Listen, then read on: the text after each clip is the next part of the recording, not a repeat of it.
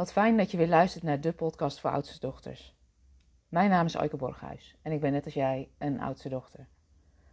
En in mijn bedrijf werk ik veel met oudste dochters op leiderschapsposities en ondernemers met een succesvol bedrijf, die voelen dat het wel wat lichter of wat zachter mag. Die willen leren werken met de onderstroom. En daarin is het vaak ook belangrijk om eens te kijken naar hoe de relatie is met je moeder. En hoe dat zit, daar gaat deze podcast over. Deze podcast gaat over moeder en dochter. Want alle oudste dochters, of eigenlijk iedere vrouw, is een dochter. En dat betekent dat we allemaal een biologische moeder hebben, of ze nu nog leeft of al is overleden. En als ik om me heen kijk, dan is de relatie tussen moeders en dochters best complex. En als je om je heen kijkt, dan zul je moeders en dochters zien met een hele warme en liefdevolle band. Er zijn ook dochters die een moeizame relatie hebben met hun moeder. Er zijn dochters die geen contact meer hebben met hun biologische moeder. Er zijn dochters waarvan de moeder al is overleden en die graag nog een keer met haar in gesprek zouden willen gaan.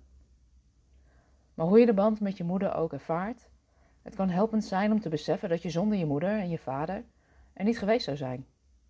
Je hebt het leven van je ouders gekregen en dat is een groot geschenk.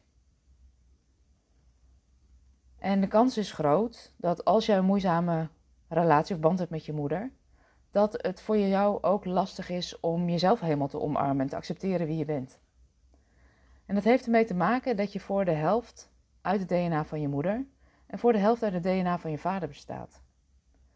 En als jij een deel van je moeder afkeurt omdat je vindt dat ze je niet genoeg gegeven heeft of dat je dingen gemist hebt in je jeugd, dan keur je onbewust ook een deel van jezelf af. En daar zijn we ons vaak niet zo van bewust. En wat daarin kan helpen is om te beseffen dat je moeder vaak gegeven heeft wat ze je kon geven. En dat je nu volwassen bent en zelf kan zorgen voor de rest. En daar spaar ik best wat innerlijk werk voor nodig, want soms lijkt boos blijven op je moeder makkelijker dan de pijn nog voelen van wat je als kind misschien gemist hebt. En als je kijkt naar veel strubbelingen in het contact tussen moeders en dochters, dan gaat het over: zie en hoor je mij helemaal? Mag ik helemaal mezelf zijn? En het kan zijn dat zelfs nu je volwassen bent, je nog onbewust op zoek bent naar de goedkeuring van je moeder. En als je kijkt naar moeders en dochters, dan maken we allemaal deel uit van de vrouwenlijn. En door onze bloedband zijn we verbonden met elkaar. En in het familiesysteem nemen moeders en dochters nu helemaal een andere plek in. Moeders staan in de ordening op een plek hoger in het systeem dan jij. En dat betekent niet dat een meer of minder belangrijk is, want als mens ben je gelijkwaardig. Maar in het systeem waar je deel van uitmaakt, is het zo dat je moeder in de ordening boven je staat.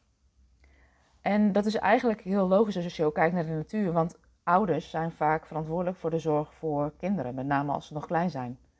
Als je ouders niet voor jou zorgen, dan overleef je het niet, tenzij anderen dat hebben gedaan. En wat er in het familiesysteem kan zijn gebeurd, is dat je moeder onbewust niet helemaal op haar plek als moeder is gaan staan. En dat je onbewust voor je moeder bent gaan zorgen of je moeder dingen uit handen hebt willen nemen. En het patroon wat ik zie bij veel oudste dochters is dat de rollen op die manier dan omgedraaid kunnen worden. En als je dit patroon herkent, weet dan dat dit vaak uit grote liefde voor het familiesysteem gebeurt. Wat tegelijkertijd ook helpend is om te weten dat als je moeder haar plek niet helemaal kon innemen als moeder, dit vaak ook te maken heeft gehad met haar eigen familiesysteem, waarin zij uit liefde en loyaliteit misschien ook niet op haar eigen plek is blijven staan. En zo kan je zien dat verstoringen in de moeder-dochterrelatie generatie op generatie in stand kunnen blijven houden. En het kan dus ook doorwerken in hoe je nu zelf je plek inneemt als moeder um, in relatie tot je kinderen. Als je onbewust voor je moeder bent gaan zorgen in het familiesysteem, dan kun je de neiging hebben om je moeder te vertellen wat ze moet doen. En dat levert vaak gedoe op in het contact. Want dat accepteert ze nou eenmaal niet. En dat is ook logisch, want het is niet jouw plek om je moeder te vertellen wat ze moet doen. En betekent dit nou dat je je moeder nooit mag vertellen of mag adviseren wat wijsheid is? Nee, dat betekent het niet. Maar het vraagt van jou dat je, als je je moeder van advies voorziet of uh, wil helpen, dat je dat doet vanuit je volwassen dochterplek. En niet vanuit de positie dat je je groter maakt dan je moeder. En als je dit patroon herkent, dat je onbewust groter maakt dan je moeder, dan is de kans groot dat je dit ook herhaalt op andere plekken. En vaak gebeurt dit bijvoorbeeld in het werk. Het kan ook gebeuren in je relaties. En ook daarin is dat patroon niet helpend. Want je leidinggevende accepteert het over het algemeen niet als je hem of haar vertelt wat ze moet doen. En dat is ook terecht. En als je dit patroon herhaalt in je relatie, of je partnerrelatie, dan kan het zomaar zijn dat je een extra kind in huis hebt in plaats van een gelijkwaardige partner, omdat je onbewust gaat moederen over je partner. En dan is de relatie niet helemaal gelijkwaardig. Maar als je dit nou bij jezelf herkent, wat kun je dan doen? Het allereerste is dat het belangrijk is om te beseffen dat jij je moeder niet kunt veranderen. Als je wilt dat de relatie met je moeder verandert, dan heb je alleen invloed op hoe je jezelf opstelt. Kun jij je moeder helemaal zien voor wie ze is en wat ze voor je betekend heeft? Ze heeft je het leven gegeven en in de meeste gevallen voor je gezorgd doordat je op eigen benen kon staan. En dat is veel.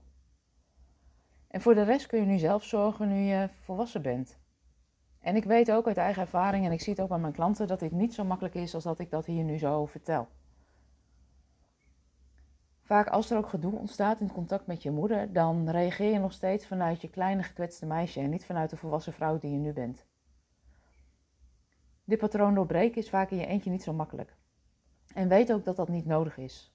Weet dat je, als je graag de relatie met je moeder wil verbeteren, dat je daar zelf mee aan het werk kan, eventueel met een therapeut of met iemand die je daarbij helpt. Wat ook zou kunnen is dat je de relatie met je moeder eens onderzoekt in een opstelling. Om zo op je eigen plek in het familiesysteem te komen staan, waardoor je vaak vrijer voelt om je eigen keuzes te gaan maken. En het duurt niet zo lang meer voordat het moederdag is, dat is aanstaande zondag. En mocht je nou nog op zoek zijn naar een origineel cadeautje voor je moeder of een cadeautip willen voor je eigen kinderen, dan zou het kunnen zijn dat het oudste dochter card misschien een leuk cadeau is. Als je het uiterlijk donderdag voor twee uur bestelt, dan ligt het nog voor moederdag bij je in de brievenbus. Daar gaan we dan voor zorgen. Ik snap heel goed dat relaties tussen moeders en dochters niet altijd even makkelijk zijn. Maar weet dat je daar zelf al veel in kan doen, waardoor het voor jezelf um, ja, zachter en liefdevoller wordt. Voor nu wens ik je een hele fijne dag en um, tot een volgende podcast. En nou ja, mocht je de podcast willen bestellen, dan zou je even kunnen kijken in de link bij, de, bij deze aflevering. Of je kunt even kijken op de website www.oudstedochter.com slash carddeck. Een fijne dag en tot snel.